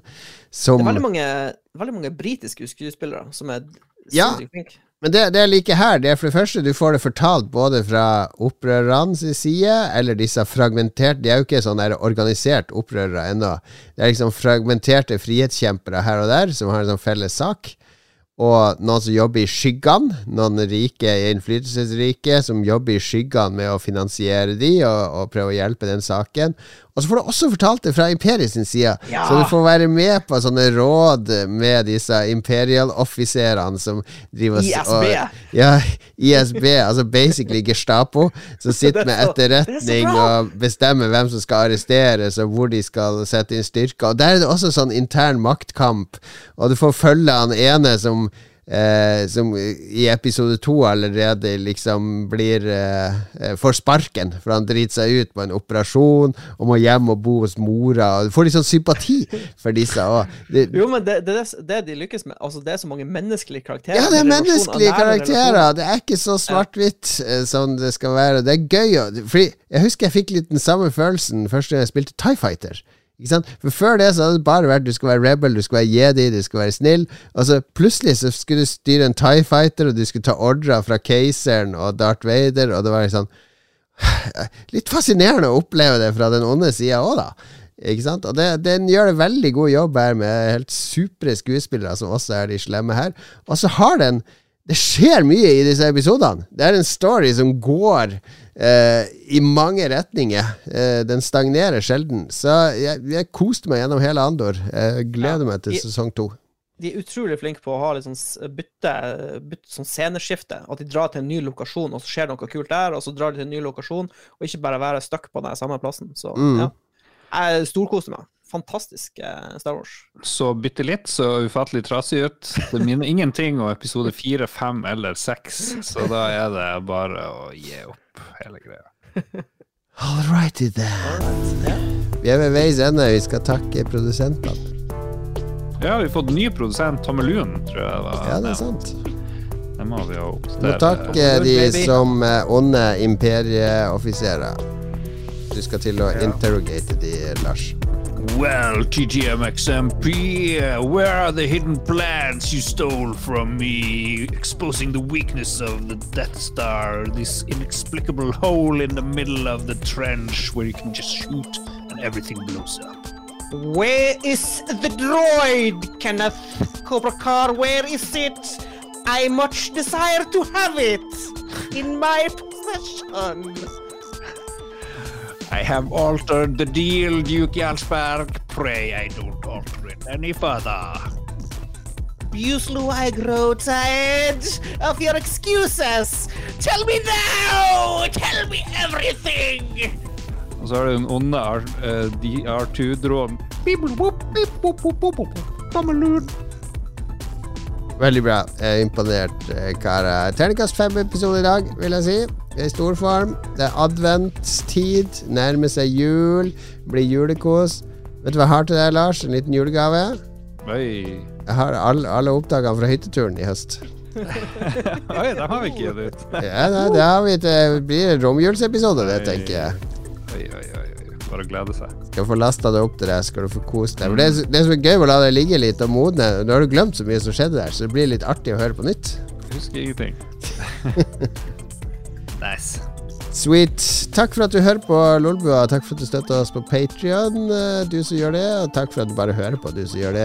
Du, eh, du vi, vi er ikke ute etter å tigge masse støtte, men gi oss en like eller en tommel opp eller noen stjerner på AppStore eller hvor man nå finner disse podkastene.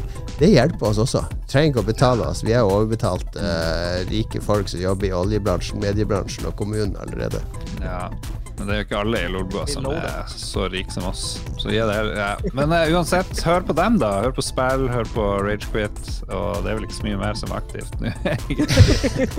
Lico og gjedda hvis de får ut fingeren, og uh... ikke noe mer spill, spillrevyen. Nei, igjen? Nei, hysj. Snakker ikke om Kanskje kommer det roffelbua også. Ah, Ja da. Ja. Blir nok en ny roffelbua med juleølsmaking for de som syns det var kaoset var gøy. Mm. Det kom en ny ruffelbue. ruffelbua. Vi annonserte den aldri, tror jeg, men den ligger ute, den der eh, hvor vi Hvor vi tar opp i hatten. Vi tar lapper opp fra hatten. Ja, ja, Tema spesial. Ja. Mm. Fra Kvinneguiden. Det var gøy. Moro. Ok, vi snakkes om en uke, karer. Ja. Hei da. Ha det bra. Tre av.